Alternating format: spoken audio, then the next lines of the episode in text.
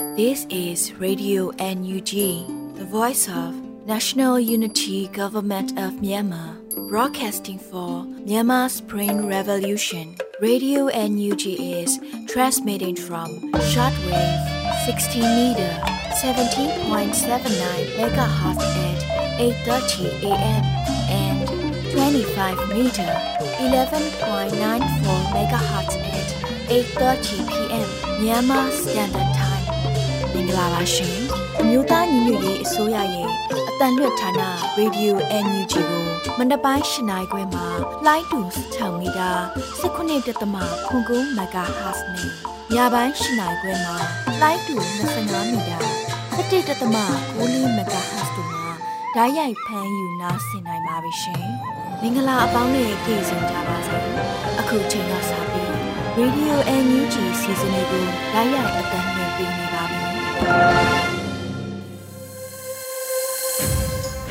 မင်္ဂလာပါခင်ဗျာဗီဒီယိုသောတာရှင်ပေါင်းကျမ်းမာချမ်းသာလို့ဘေးကင်းရန်ကွာရှိကြပါစေကြောင်းဗီဒီယို UNG ဝိုင်းတော်သားတွေကဆုတောင်းမေတ္တာပို့တာပါတယ်ဒီဇင်ဘာလ9ရက်နေ့ဗီဒီယို UNG ရဲ့အစီအစဉ်တွေထုတ်လွှင့်ဖို့အချိန်ကြာရောက်လာပါပြီအခုချိန်ကစပြီးပြည်တွင်းသတင်းတွေကိုຫນွေဥမောင်ကဖတ်ကြားပေးပါမယ်ခင်ဗျာမင်္ဂလာပါခင်ဗျာယခုတင်ဆက်ပေးမှာကတော့ Radio NUG ညပိုင်းပြည်တွင်သတင်းများပဲဖြစ်ပါတယ်ကျွန်တော်ကတော့ຫນွေဦးမှာပါခင်ဗျာပထမဦးဆုံးသတင်းအနေနဲ့အခြေခံပညာပြီးမြောက်စေကြောင်းစစ်ဆေးအကဲဖြတ်ခြင်းတွင်ပါဝင်နိုင်ရန်ထပ်မံအသိပေးလိုက်တဲ့သတင်းပဲဖြစ်ပါတယ်အမျိုးသားညီညွတ်ရေးအစိုးရပညာရေးဝန်ကြီးဌာနရဲ့ Basic Education Completion Assessment BECA ဆိုင်ရာထပ်မံအသိပေးကြေညာခြင်းကိုဒီဇင်ဘာလ9ရက်နေ့မနက်တွင်ထုတ်ပြန်လိုက်ပါတယ်။အသိပေးကြေညာချက်တွင် နဝမာတန်းစနစ်ဟောင်းအောင်မြင်ထားပြီးတော့လဲအသက်18နှစ်မပြည့်ဖြစ်နေသောကျောင်းသားများအနေဖြင့် BECA အစီအစဉ်တွင်ပါဝင်ဖြည့်ဆို့နိုင်ရန်ယနေ့မှစတင်၍ငကိုမူလ link အတွင်းတွင် BECA registration စတင်သွင်းနိုင်ပြီဖြစ်ပါကြောင်းလေးစားစွာသတင်းပေးပို့အပ်ပါတယ်။တောင်းဆိုချက်များဆွေးနွေးအကြံပြုချက်များအရ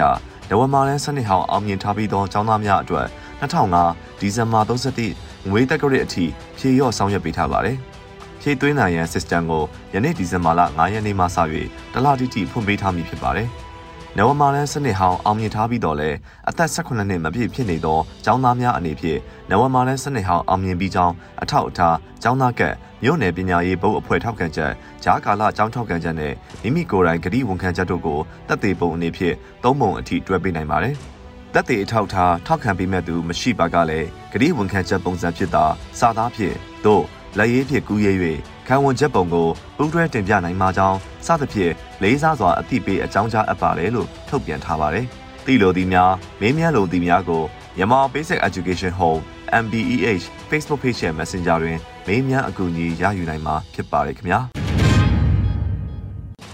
ဆက်လက်ပြီးစီရီယန်ကျောင်းဆရာတအုပ်ကိုစစ်ကောင်စီကအလုတ်ကျန်းနဲ့ထောင်ဒဏ်10နှစ်ချမှတ်လိုက်တဲ့သတင်းပဲဖြစ်ပါတယ်။ ရန်ကုန်တိုင်းခရမ်းမြို့နယ်မှာစီဒီယန်ကျောင်းဆရာတအုပ်ကိုအထမပုံများတက်ပြီးစစ်အုပ်စုလက်အောက်ခံများကဒီဇင်ဘာလ2ရက်နေ့ကပြစ်ဒဏ်ချမှတ်ခဲ့တာဖြစ်ပါတယ်။ထို့ကဲ့သို့မတရားပုံမှန်တက်ကအလုတ်ကျန်းတဲ့ထောင်ဒဏ်10နှစ်ချမှတ်သည့်အပေါ်ကန့်ကွက်ပါကြောင်းရင်းမြုံနယ်အခြေခံပညာပညာရေးလုပ်သားများတမကမှတာဝန်ရှိသူတို့ကပြောပါတယ်။90ညလို့တော့သိရပါတယ်။သူကပုံမှန်စီဒီယန်တူပါပဲ။သူ့အိမ်မှာပုံမှန်ပဲနေထိုင်ပြီးမိသားစုနဲ့အတူနေတာပါလို့သူကပြောပါတယ်။ မတရားပုံမှန်တက်ကပြစ်ဒဏ်ချခံရသည့်ဦးထမြတ်အောင်သည်ခရမ်းမြို့နယ်အာထခခွဲကံကောင်းဟောင်းတွင်မူလတန်းပြဆရာအဖြစ်တာဝန်ထမ်းဆောင်ခဲ့သူဖြစ်ပြီးစစ်အာဏာသိမ်းမှုနောက်ပိုင်းတွင်စီဒီယန်လှုပ်ရှားမှု၌ပါဝင်ခဲ့သူဖြစ်ပါတယ်။ဦးထမြတ်အောင်ကို February 23ရက်တွင်နေအိမ်သို့ဝင်ရောက်၍မတရားဖမ်းဆီးသွားတာဖြစ်ပါတယ်။ထို့နောက်မှာတော့ပြစ်မှုကျူးလွန်ထားခြင်းမရှိဘဲမတရားဆွဆွဲချက်များဖြင့်အမှုစဉ်ကဒီဇင်ဘာ2ရက်နေ့တွင်ထောင်ဒဏ်10နှစ်အပြစ်ဒဏ်ချမှတ်ခဲ့ခြင်းဖြစ်တယ်လို့အထက်ပါတာဝန်ရှိသူကပြောပြပါတ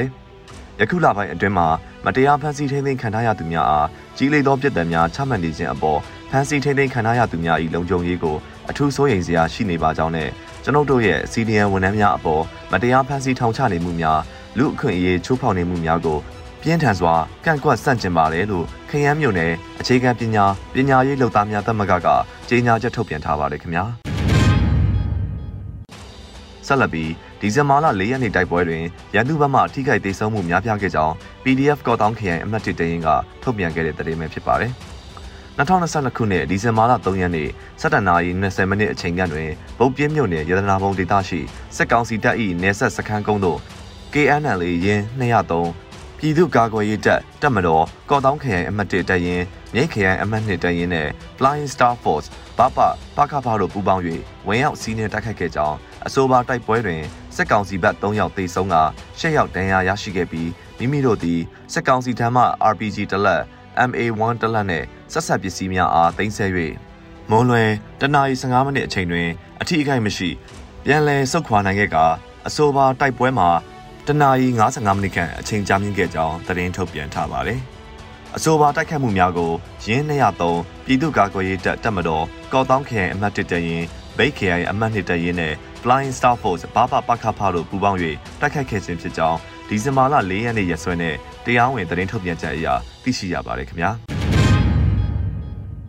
ဆက်လက်ပြီးဘုံဖောက်ခွဲမှုတန်တရားဖြင့်လူငယ်တအုပ်ကိုစစ်တပ်ကစစ်ကြောရေးတွင်ဥပဒေမဲ့တပ်ဖြတ်လိုက်တဲ့အကြောင်းပဲဖြစ်ပါတယ်။နေပြည်တော်လယ်ဝင်းမြို့ပေါ်တွင်ဒီဇင်ဘာလ4ရက်နေ့မနက်ပိုင်းကဘုံပေါက်ကွဲမှုဖြစ်ပေါ်ခဲ့ပြီးထိုအမှုမှာတန်တရားဖြင့်ဖမ်းဆီးခံရသူ မောင်ဖုံးမြတ်ကိုကိုစစ်တပ်ကစစ်ကြောရေးတွင်တပ်ဖြတ်လိုက်ကြောင်းဖမ်းဆီးခံရသူ၏မိသားစုနဲ့နှိဆက်သူများကပြောပါတယ်။လွန်ခဲ့တဲ့ဒီဇင်ဘာ1ရက်နေ့မနက်9:00နာရီခွဲအချိန်က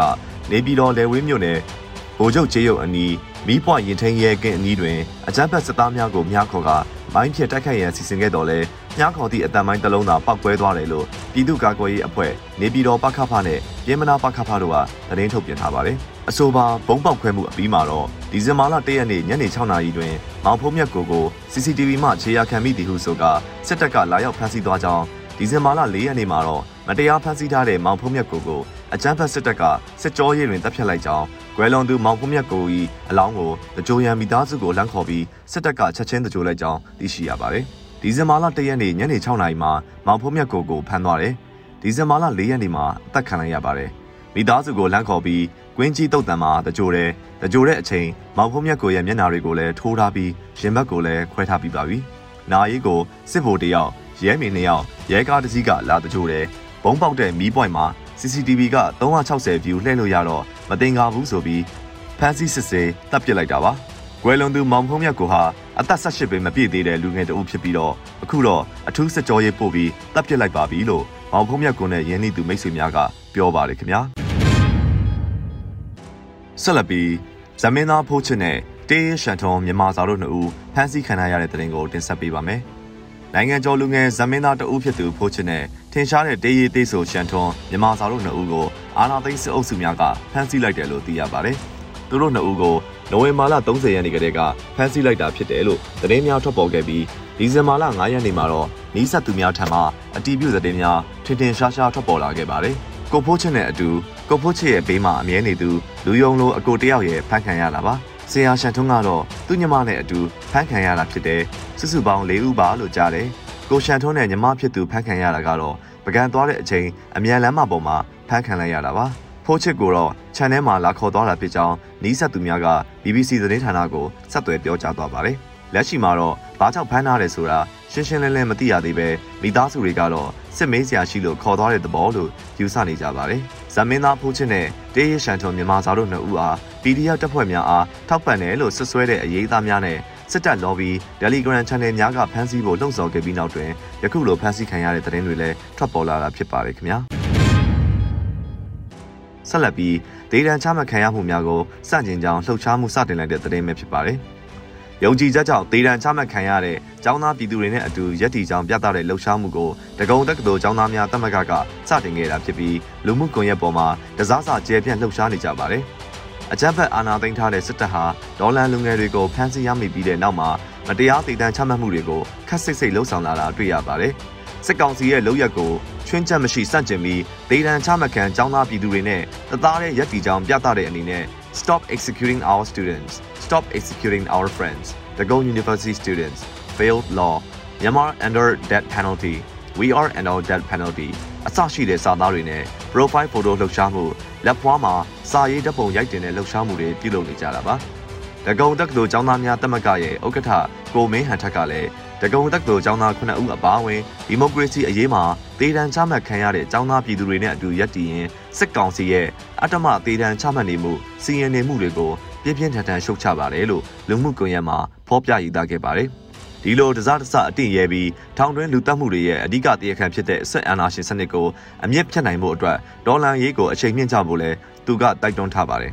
စစ်အာဏာသိမ်းမှုကိုစန့်ကျင်တဲ့ဒီမိုကရေစီအရေးလှုပ်ရှားသူတွေကိုစစ်ကောင်စီကပုံမှန်အမျိုးမျိုးနဲ့ထောင်ဒဏ်တွေချမှတ်နေတဲ့အပြင် အမြင့်ဆုံးပြစ်ဒဏ်ဖြစ်တဲ့အသေးဒဏ်တွေလည်းချမှတ်မှုတွေဟာတနေ့တခြားများပြားလာနေပါတယ်။လွန်ခဲ့တဲ့နိုဝင်ဘာလ30ရက်နေ့မှာဒဂုံတက္ကသိုလ်ကျောင်းသားတွေကိုသေဒဏ်ချမှတ်ခဲ့ကြောင်းသိရပါတယ်။နိုင်ငံရေးအကျဉ်းသားများကူညီဆောက်ရှောက်ရေးအသင်း AAPP ကထုတ်ပြန်တဲ့စာရင်းတွေအရသေဒဏ်ချမှတ်ခံရသူစုစုပေါင်းဟာ130ကျော်ရှိခဲ့ပြီဖြစ်တယ်လို့သိရှိရပါတယ်ခင်ဗျာ။ဆက်လက်ပြီးတော့နယူးယောက်မြို့မှာအမျိုးသမီးနဲ့ကလေးငယ်များအပေါ်အကြမ်းဖက်မှုပပျောက်ရေး16ရက်တာလှုပ်ရှားမှုပြုလုပ်ခဲ့တဲ့တဲ့တင်ကိုတင်ဆက်ပေးပါမယ်။ အမျိုးသားညီညွတ်ရေးအစိုးရအမျိုးသမီးလူငယ်နဲ့ကလေးတငယ်ရေးရာဝန်ကြီးဌာနကဦးစီးပြီး Helping Hands for Burma H2B အဖွဲ့ကအမျိုးသမီးနဲ့ကလေးငယ်များအပေါ်အကြမ်းဖက်မှုပပျောက်ရေး16ရက်တာလှုပ်ရှားမှုကို American ပြည်ထောင်စုနယူးယောက်မြို့မှာဒီဇင်ဘာ၄ရက်ကပြုလုပ်ခဲ့ကြပါတယ်။အဲ့ဒီလိုပြုလုပ်ရမှာနယူးယောက်မြို့ Washington Square Park မှာ17နာရီကနေ17ခွဲအထိကြာမြင့်ခဲ့ပြီးနယူးယောက်မြို့ Union Square Park မှာတနာရီကနေ2နာရီခွဲအထိလှုပ်ဆောင်ခဲ့ကြတာပါဒီလိုပြုလုပ်ရတာကတော့မြန်မာပြည်တွင်းစစ်အာဏာသိမ်းမှုကစလို့အမျိုးသမီးတွေနဲ့ကလေးငယ်တွေအပေါ်အကြမ်းဖက်စစ်တပ်ရဲ့ရက်ဆက်ကြမ်းကြုတ်မှုများကိုနိုင်ငံတကာကသိရှိစေဖို့နဲ့အသိပညာပေးရန်အတွက်ရည်ရွယ်တယ်လို့ကမ်ပိန်းပြုလုပ်သူတွေကပြောပါတယ်။ကမ်ပိန်းမှာအတန်သိတရုတ်ဖော်လှုပ်ရှားမှုနဲ့အကြမ်းဖက်စစ်အစိုးရရဲ့ညှဉ်းပန်းနှိပ်စက်မှုတပ်ပုံတွေကိုခင်းကျင်းပြသခဲ့ပါတယ်ခင်ဗျာ နောက်ဆုံးသတင်းအနေနဲ့ကတော့ American နိုင်ငံမှာတနစ်တာအတွင်းနေဦးလက်ဖက်ရည်ဝိုင်းမှဒေါ်လာရေးရန်ပုံငွေ American ဒေါ်လာသသိန်းကျော်ဒေါ်လာရေးအတွက်ထောက်ပို့ပေးနိုင်ခဲ့တဲ့သတင်းကိုတင်ဆက်ပေးမှာဖြစ်ပါတယ်။ American နိုင်ငံမှာတနစ်တာအတွင်းနေဦးလက်ဖက်ရည်ဝိုင်းမှဒေါ်လာရေးရန်ပုံငွေ American ဒေါ်လာသသိန်းကျော်ဒေါ်လာရေးအတွက်ထောက်ပို့ပေးနိုင်ခဲ့တယ်လို့ဒီဇင်ဘာလအတွင်း San Fran Bay Area မြန်မာနေဦးဒေါ်လာရေးမိသားစုကသတင်းထုတ်ပြန်ခဲ့ပါတယ်။ဒီလက တစ်နှစ်ပြည့်တဲ့ຫນွေဦးလက်ဖက်ရည်ဝိုင်းဖြစ်ပါတယ်လို့ San Fran Bay Area မြန်မာຫນွေဦးဒေါ်လာရေးမိသားစုဝင်တို့ကယခုလိုပြောဆိုပါတယ်။နွေဦးလက်ဖက်ရည်မိသားစုကိုတည်ထောင်လာတာ January 2022ခုနှစ်မှာအခုဒီဇင်ဘာ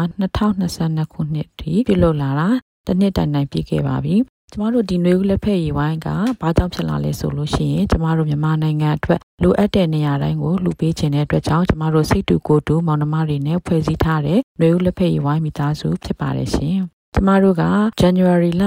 2029ခုနှစ်မှာဆိုလို့ရှိရင်လည်းကျမတို့ဒီစတင်တည်ထောင်ပြီးတော့ pre order အနေနဲ့ရောင်းလာတာဒေါ်လာ8100ရခဲ့တယ်ပေါ့နော်ဆိုတော့အဲ့ဒီကနေစပြီးတော့လောက်လာတာလစဉ်လာတိုင်းဒေါ်လာ1500 1800လူမျိုးတွေနဲ့ရောင်းရလာတာကျမတို့ဒီနေ့ဆိုလို့ရှိရင်လည်းရောင်းရငွေဒီ15648ဒေါ်လာရခဲ့ပါတယ် အဲဒါကြောင့်ကျမတို့တူတစ်နှစ်လုံးမှာနယူးလက်ဖက်ရည်ဝိုင်းရောင်းရငွေဒီဒေါ်လာ3,92,822ဒေါ်လာကိုအလူငွေတွေပေါ့နော်ဆိုတော့ဒီအလူငွေတွေဒီကျမတို့မြန်မာနိုင်ငံမှာလိုအပ်တဲ့နေရာတွေကိုဓာတ်စဉ်ဓာတ်ရိုက်လှူပေးနေတဲ့အဖွဲ့လေးဖြစ်ပါတယ်ဓာတ်ရိုက်လှူပေးတိုင်းမှာလည်းကျမတို့ဒီ certificate တွေများစွာကိုရခဲ့ပြီးတော့ဒီကျမတို့ဒီနယူးလက်ဖက်ရည်ဝိုင်းကတူတယောက်ချင်းစီတိုင်းရဲ့လှုပ်လို့ရတဲ့အ ဖွဲ့အစည်းမဟုတ်ပါဘူးအကုန်လုံးစိတ်တူကိုယ်တူဟင်းချက်လှူတဲ့အကိုတွေအမတွေကလည်းဟင်းချက်လှူတယ်ကျေးဇူးတင်ပါတယ်။ဒါကကျမတို့အဖွဲ့ဝင်တွေကလည်းကျမကိုယ်တိုင်လည်းဟင်းချက်ပြီးတော့လှူပါတယ်။နောက်ပြီးတော့အဖွဲ့မှာလိုအပ်တာတွေကိုကူညီဖို့အကိုတွေအမတွေလည်းအများကြီးလာကွိုင်းကူတာကိုလည်းကျေးဇူးတင်ပါတယ်။နှွေဦးလက်ဖက်ရည်ဝိုင်းမှာ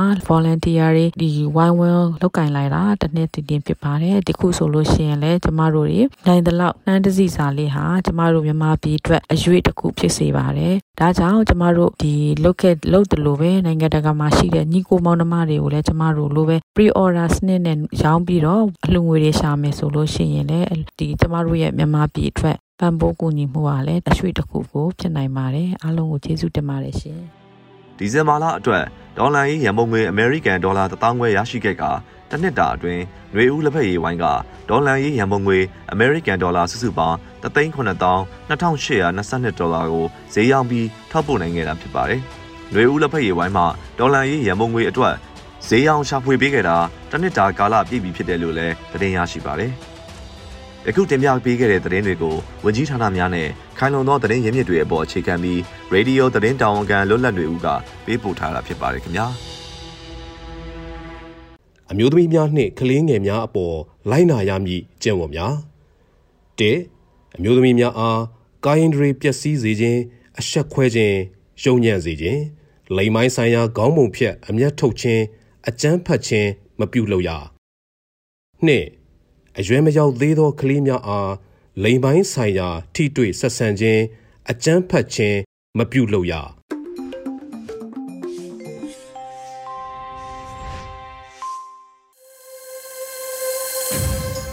ရေဒီယို UNG ရဲ့ဒီဇင်ဘာလ9ရက်နေ့ပြည်တွင်းသတင်းများကိုနားဆင်ခဲ့ကြရတာဖြစ်ပါတယ်။ဆက်လက်ပြီးရက်တရပမိုးလေဝသခန့်မှန်းချက်တွေကိုအေရီကတင်ပြပေးပါမယ်ခင်ဗျာ။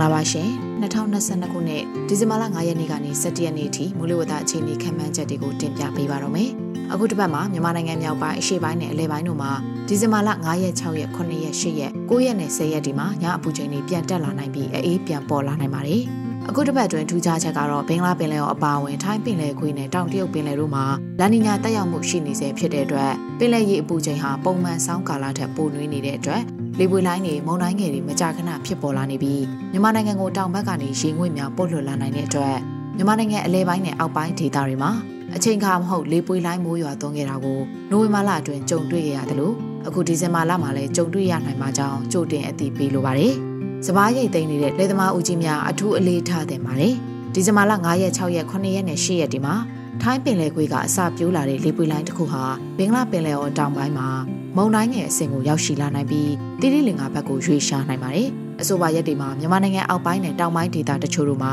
မိုးအနှဲငယ်ကနေအသင့်အတင့်ရွာသွန်းနိုင်မှာကြောင်းလည်းအသိပေးလိုပါတယ်။အခုဆက်လက်ပြီးနေ့လိုက်တပတ်စာမိုးလေဝသအခြေအနေတွေကိုတင်ပြပေးသွားပါမယ်။ဒီဇင်ဘာလ9ရက်နေ့အတွက်ခံမှန်းချက်ကတော့မြန်မာနိုင်ငံအထက်ပိုင်းနဲ့အလယ်ပိုင်းတို့မှာအရှိလီတွေတိုက်ခတ်နိုင်ပြီးတောင်ပိုင်းမှာအရှိတောင်တွေတိုက်ခတ်နေနိုင်ပါတယ်။စောင်းမုတ်တုံအခြေအနေကတော့မြန်မာနိုင်ငံအလယ်ပိုင်းနဲ့မြောက်ပိုင်းဒေသတွေမှာညပူချိန်တွေအနှဲငယ်ပြန်တက်လာပြီးအေးသက်သာလာနိုင်ပါတယ်။ ဘင်္ဂလားပင်လယ်အော်အရှေ့တောင်ပိုင်းနဲ့ကပ်ပလီပင်လယ်ပြင်မှာတိမ်ထူထပ်နေပြီးကြံဘင်္ဂလားပင်လယ်အော်မှာတိမ်အထင်တင်ဖြစ်ထွန်းနိုင်ပါတယ်။ထူးခြားချက်ကတော့ထိုင်းပင်လယ်ကွေ့ကလေပွေလိုင်းဟာဘင်္ဂလားပင်လယ်အော်အရှေ့တောင်ပိုင်းကိုရောက်ရှိလာနိုင်ပြီးနောက်24နာရီအတွင်းလီဘီယာနဲ့ရဝန်းတစ်ခုဖြစ်လာနိုင်ပါတယ်။မိုးအခြေအနေကတော့ချင်းပြည်နယ်၊ရခိုင်ပြည်နယ်၊ရှမ်းပြည်နယ်၊ကရင်ပြည်နယ်၊ကယားပြည်နယ်၊မွန်ပြည်နယ်နဲ့တနင်္သာရီတိုင်းတို့မှာနေရာကွက်ကြားမိုးရွာနိုင်ပြီးကြံဒေသတွေမှာတိမ်အထင်တင်ဖြစ်ထွန်းနိုင်ပါတယ်။ မြမပင်လယ်ပြင်မှာတောင်အရှိတောင်ဘက်ကလေဟာတနအီကို10မိုင်ကနေ15မိုင်ထိတိုက်ခတ်နိုင်ပြီးလှိုင်းအသင့်တင်ရှိနိုင်ပါတယ်။ဒီဇင်ဘာလ6ရက်နေ့အတွက်ခံမှန်းချက်ကတော့မြန်မာနိုင်ငံအထက်ပိုင်းနဲ့အလယ်ပိုင်းတို့မှာတောင်လေတွေတိုက်ခတ်နိုင်ပြီးတောင်ပိုင်းမှာအရှိတောင်လေတွေတိုက်ခတ်နေနိုင်ပါတယ်။စောင်းမုတ်တုံအခြေအနေကတော့မြန်မာနိုင်ငံအလယ်ပိုင်းနဲ့မြောက်ပိုင်းဒေသတွေမှာညအပူချိန်တွေအနည်းငယ်ပြန်တက်လာပြီးအေးသက်သာလာနိုင်ပါတယ်။ဘင်္ဂလားပင်လယ်အော်အရှေ့တောင်ပိုင်းနဲ့ကပ်ပလီပင်လယ်ပြင်မှာတိမ်ထူထပ်နေပြီးကြံဘင်္ဂလားပင်လယ်အော်မှာတိမ်အထင်တင်ဖြစ်ထွန်းနိုင်ပါတယ်။ ထူးခြားချက်အနေနဲ့ဘင်္ဂလားပင်လယ်အော်တောင်ပိုင်းကိုရောက်ရှိလာတဲ့လေပွေလိုင်းဟာလေပြင်းနဲ့ရဝံတစ်ခုအဖြစ်ရောက်ရှိလာပြီးပုံမူအားကောင်းလာပြီးမုန်တိုင်းငယ်အဆင့်ကိုရောက်ရှိလာနိုင်ပါတယ်။မိုးအခြေအနေကတော့ရခိုင်ပြည်နယ်၊အေရဝတီတိုင်း၊ရှမ်းပြည်နယ်၊ကရင်ပြည်နယ်၊ကယားပြည်နယ်၊မွန်ပြည်နယ်နဲ့တနင်္သာရီတိုင်းတို့မှာနေရာကွက်ကြားမိုးရွာနိုင်ပြီးကြံဒေသတွေမှာတိမ်အထင်တင်ဖြစ်ထွန်းနိုင်ပါတယ်။မြမပင်လယ်ပြင်မှာအရှိအရှိတောင်ဘက်ကလေဟာတနအီကို10မိုင်ကနေ15မိုင်ထိတိုက်ခတ်နိုင်ပြီးလှိုင်းအသင့်တင်ရှိနိုင်ပါတယ်။ ဒီဇင်ဘာလ9ရက်နေ့အတွက်ခံမှန်းချက်ကတော့မြန်မာနိုင်ငံအထက်ပိုင်းနဲ့အလယ်ပိုင်းတို့မှာတောင်လေတွေတိုက်ခတ်နိုင်ပြီးတောင်ပိုင်းမှာအရှေ့တောင်လေတွေတိုက်ခတ်နေနိုင်ပါတယ်။စောင်းမုတ်တုံအခြေအနေကတော့မြန်မာနိုင်ငံအလယ်ပိုင်းနဲ့မြောက်ပိုင်းဒေသတွေမှာညအပူချိန်တွေအနည်းငယ်ပြန်တက်လာပြီးအေးသက်သာလာနိုင်ပါတယ်။ဘင်္ဂလားပင်လယ်အော်အရှေ့တောင်ပိုင်းနဲ့ကပ်ပလီပင်လယ်ပြင်မှာတိမ်ထူထပ်နေပြီးကြံဘင်္ဂလားပင်လယ်အော်မှာတိမ်အထင်တင်ဖြစ်ထွန်းနိုင်ပါတယ်။ ထူးခြားချက်ကတော့ဘင်္ဂလားပင်လယ်အော်တောင်ပိုင်းကလီဘီယာနဲ့ယမန်ဟာမုန်တိုင်းငယ်တစ်ခုဖြစ်ရောက်ရှိလာနိုင်ပြီးအနောက်ဘက်ကိုဆက်လက်ရွေ့ရှားပြီးတီရီလင်ကမြောက်ပိုင်းဆုံးကိုဖျက်ကျော်သွားနိုင်ပါတယ်။မိုးအခြေအနေကတော့အေရဝတီတိုင်း၊ရန်ကုန်တိုင်း၊ရှမ်းပြည်နယ်၊ကရင်ပြည်နယ်၊ကယားပြည်နယ်၊မွန်ပြည်နယ်နဲ့တနင်္သာရီတိုင်းတို့မှာနေရာကွက်ကြားမိုးရွာနိုင်ပြီးကြံဒေသတွေမှာတိမ်အထင်တင်ဖြစ်ထွန်းနိုင်ပါတယ်။မြမပင်လယ်ပြင်မှာအရှိအရှိတောင်ဘက်ကလေဟာတနအီကို10မိုင်ကနေ15မိုင်ထိတိုက်ခတ်နိုင်ပြီးလှိုင်းအသင့်တင်ရှိနိုင်ပါတယ်။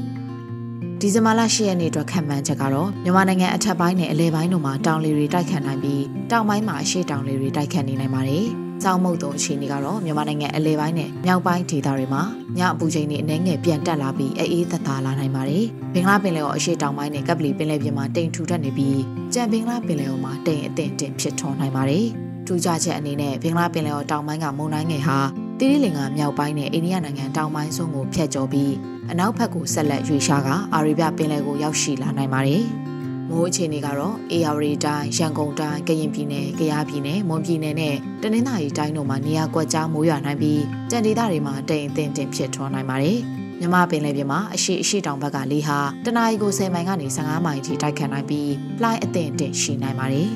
။ဒီဇင်ဘာလ9ရက်နေ့အတွက်ခံမှန်းချက်ကတော့ မြန်မာနိုင်ငံအထက်ပိုင်းနဲ့အလယ်ပိုင်းတို့မှာတောင်လေတွေတိုက်ခတ်နိုင်ပြီးတောင်ပိုင်းမှာအရှိအရှိတောင်လေတွေတိုက်ခတ်နေနိုင်ပါတယ်။စောင်းမုတ်တုံအခြေအနေကတော့မြန်မာနိုင်ငံအလယ်ပိုင်းနဲ့မြောက်ပိုင်းဒေသတွေမှာညအပူချိန်တွေအနည်းငယ်ပြန်တက်လာပြီးအေးသက်သာလာနိုင်ပါတယ်။ဘင်္ဂလားပင်လယ်အော်အလဲပိုင်းတောင်ပိုင်းနဲ့ကပ်ပလီပင်လယ်ပြင်မှာတိမ်ထူတက်နေပြီးကြံဘင်္ဂလားပင်လယ်အော်မှာတိမ်အထင်တင်ဖြစ်ထွန်းနိုင်ပါတယ်။ ထူးခြားချက်ကတော့အိန္ဒိယနိုင်ငံတောင်ပိုင်းကိုဖျက်ကျော်ခဲ့တဲ့မုန်တိုင်းငယ်ဟာအနောက်ဘက်ကိုဆက်လက်ရွေ့ရှားပြီးအာရေဗျပင်လယ်ကိုလေပြင်းနဲ့ရဝန်းအဖြစ်နဲ့ဆက်လက်ရွေ့ရှားသွားနိုင်ပါတယ်။မိုးအခြေအနေကတော့ရန်ကုန်တိုင်း၊ကရင်ပြည်နယ်၊ကယားပြည်နယ်၊မွန်ပြည်နယ်နဲ့တနင်္သာရီတိုင်းတို့မှာနေရာကွက်ကြားမိုးရနိုင်ပြီးကြံဒေသတွေမှာတိမ်အထင်တင်ဖြစ်ထွန်းနိုင်ပါတယ်။မြမပင်လယ်ပြင်မှာအရှိအရှိတောင်ဘက်ကလေးဟာတနအီကို10မိုင်ကနေ15မိုင်ထိတိုက်ခတ်နိုင်ပြီးလှိုင်းအသင့်အင့်ရှိနိုင်ပါတယ်။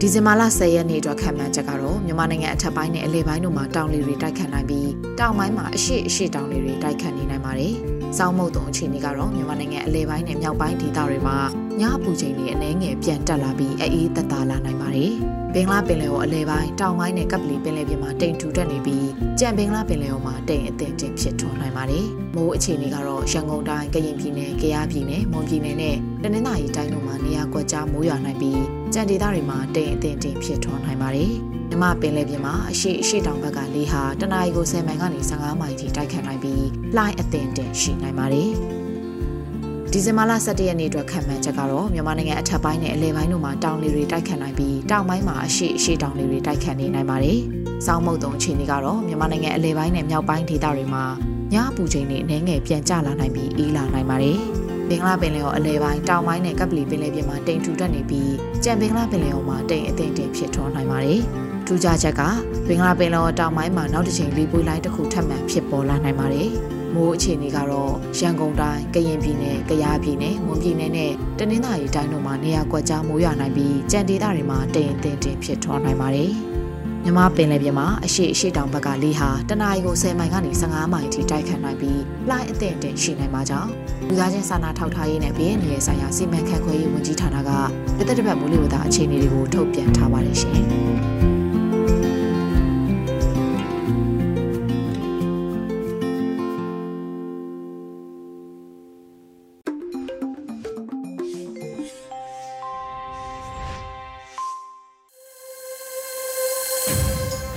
ရေဒီယိုအန်ယူဂျီမှဆက်လက်အတန်လွှင့်လျက်ရှိနေပါတယ်။အခုအလှည့်ကျလာတဲ့တိုင်းသားစီစဉ်မှာ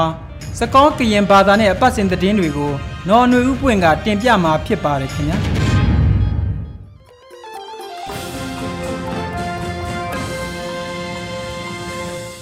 ဟာလိုအေကိုရတဲ့ပစောရီဆဝဘာတူတော့ကွဲမှုပါတူလို့အန်ယူချီကွဲလေးလို့ထရက်တာကလေးတပလောညာအင်းနီနော်အခဲဤတော်တနည်းညာတော်ပူတာကစောတဖာနေ ရကပါဖလာနေသူနေလောရရမီမီနော်နွေဥပွင့်နေလောတာဆောခတိတီမီဝဒဖဲကောပီယတိကောပူဟူဒတိပကောပူကမ္နတဖာအိုဆိုဝဲဝီလောတိကောအောတာခဲလကပါလတဲကွေဝဲအောဥကတကတော့တာလီအေကိုဟုကလဒဆုတလဒူဝလရှိလာတဲဝဲတာရင်းနီလောဟဲလာဒီဇမ်ဘာတတော်နီကောပီယောဒီမိုကရေစီအေတော့ပုခွားတဖာအောတာခွဲတရဒီတတူအောဝူကလဆဖိမာဝဲတဖာနေ Red Trust Next Leadership Summit တော့ Global Broadcast Director ကလေးအပူဖဲကိုပြီးတိကိုပူဟူတော့တိပုကိုပူကမ္နတဖာအိုဆူဝဲဝီလော်တိကိုအောတခဲလကပလော်တဲကွေဝဲအောအိုကတဲ့ကတော့တလီအဝီနီကိုတိုတဲဝဲတာနီလောရှင်တော်ကစားတာဝဲယိုဒါဖဲတိကိုပူတော့ဘာခတာပစတ်ဖာပူယမရဲတာနီလောပါစာမိဘကပါလော်တဲကွေပတာသမှုဖဲလဲနီပတတိညာပါ ယနောကစားတာရဲ့လူတိကိုအောယုကတဲ့ကတော့ပါစတာလီဝီတဲဝဲတာနီလောတကတိပါနွေဥတာပစပူစီဒီယံပမတပုတဖာအဝဲလအကလောဘလေတောအဝဲတီဥကိုတာဝတာဆုတာဝတာအောတကောတာခဲတဖာဒေါ်တီဥကောကမေမဆဝဲနေတပစဤလကလီကမနတာအဝေကောကဒဆုတလတူဝလရှိလာတဝဲတုပထုနေပါတက်စောနီလောတက်စောခီတီမီဝဲတာ ရခတုမှုဒိုအေအေနေတပစဤတမေလကခကွေဝဲအငီတာရရကိုတူဥယင်မှုတဲဝဲတာဂီနီလောရခတုမှုဒိုအေအေနေတပစဤတမေလကခကွေဝဲတာဂီနီဖဲလာနိုဝင်ဘာအလတာတီလိုတိကွာတခါပူတာရရကိုတူတဲဝဲတာဒီနီလောပမီတဲလပဝဲအညွန်စီအတူနီလေအေအေတုမှုဒိုဖိုခိုပနာပစအောရီရီနီလောပါကတော့ကွေတာခါတဆူတလောနီ လော်တီဝဒနီလောဘာသာတမေဘာလိုကီတော့ပယောတုကောကနီပါအေအေနီဘာခတာပစအီတမေလကခကွေတာဘာနီပဝဲပနာသေးနီလောယပါတိကောဝီခောတိနီပိုဖောင်ဒေးရှင်းပပလစင်နော်မစ္စတာဆဆာကာဝါနီဖဲတာဘဆနူလောထိုဟူတာအခုရခတ်မှုတို့အေအေတော့ပယောတုတေတဖာဘဆတာပကတော့ကွေတာခါဤလောတာကတိုတို့ ဘာတောက်ဝီနီပတူနီဘာတာစောနီလောတာကစောတဲ့ယူတူမီဝင်းတာဖိုဒီဖိုတာယေဂလောဘလေနီမေလတာဒူတာယတဖာဟိုပါခိမွေဟပ်လိုဝဲအေကောဆဖိုကိုတိုနော်ဆူဆန်နာလလာဆိုတဲဝဲတာဂီနီလောဖဲလာဒီဇမ်ဘာတော်တော်နီနောကလူတောက်တောက်ဖို့ပဒိုပိုမူတာစာတော့ဖိုတာဂီကိုကိုတိုဝဲကလိုနီပါထွဲတော့ဖိုတာတီတဖာ လောတာတခေါ်တာတမီတမိုးတောက်ဆူကလေးတပဖလားတာတာကလေးပူကိုတိုနော်ဆူဆန်နာလလာဆိုတဲဝဲတာဒီနီလော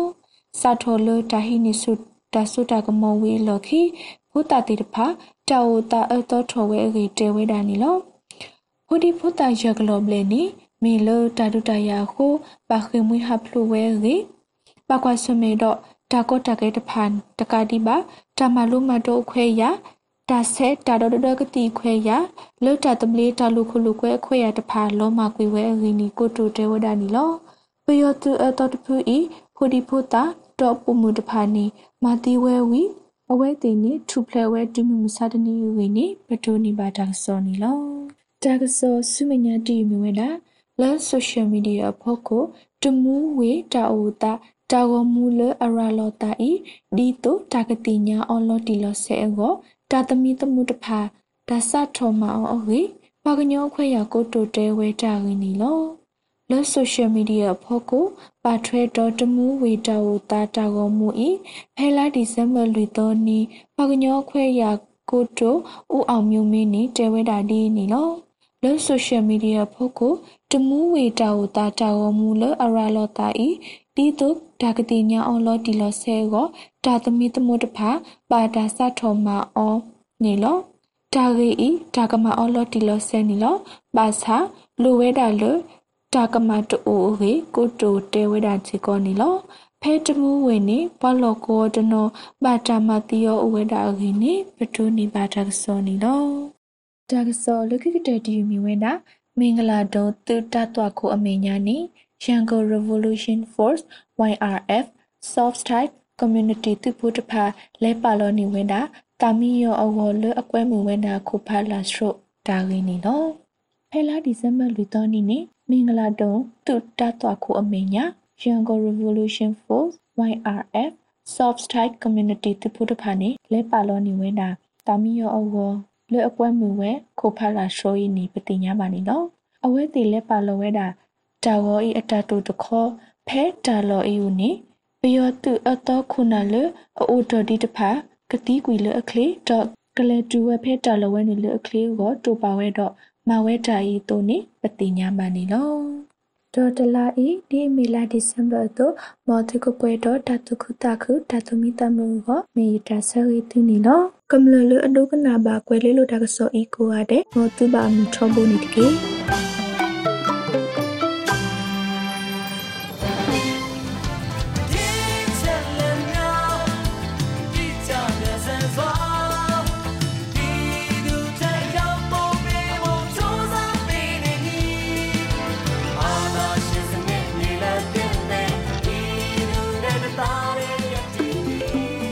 ကနေ့ကတော့ဒီညနေပဲ Radio NUG ရဲ့အစီအစဉ်လေးကိုခေတ္တရ延လိုက်ပါမယ်ရှင်မြန်မာစံတော်ချိန်မနေ့၈နိုင်ခွဲနဲ့ည၈နိုင်ခွဲအချိန်တွေမှာပြောင်းလဲဆိုပြကြပါလို့ရှင်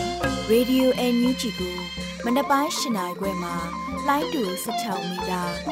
19.7ခုခုမဂါဟတ်နဲ့ညပိုင်း၈နိုင်ခွဲမှာလိုင်းတူ25မီတာ17.9မဂါဟတ်တို့မှာဓာတ်ရိုက်ဖမ်းယူ နာဆင်နိုင်ပါပြီရှင်။မြန်မာနိုင်ငံသူနိုင်ငံသားများကိုစိတ်နှဖျားစမ်းမချမ်းသာလို့ဘေးကင်းလုံခြုံကြပါစေလို့ Radio NUG ရဲ့ဖွဲ့သူဖွဲ့သားများကဆုတောင်းလိုက်ရပါတယ်။ San Francisco Bay Area အခြေစိုက်မြန်မာမိသားစုများနိုင်ငံတကာကစေတနာရှင်များလိုအားပေးမြရဲ့ရေဒီယို NUG ဖြစ်ပါတယ်ရှင်။အရေးတော်ပုံအောင်ရမည်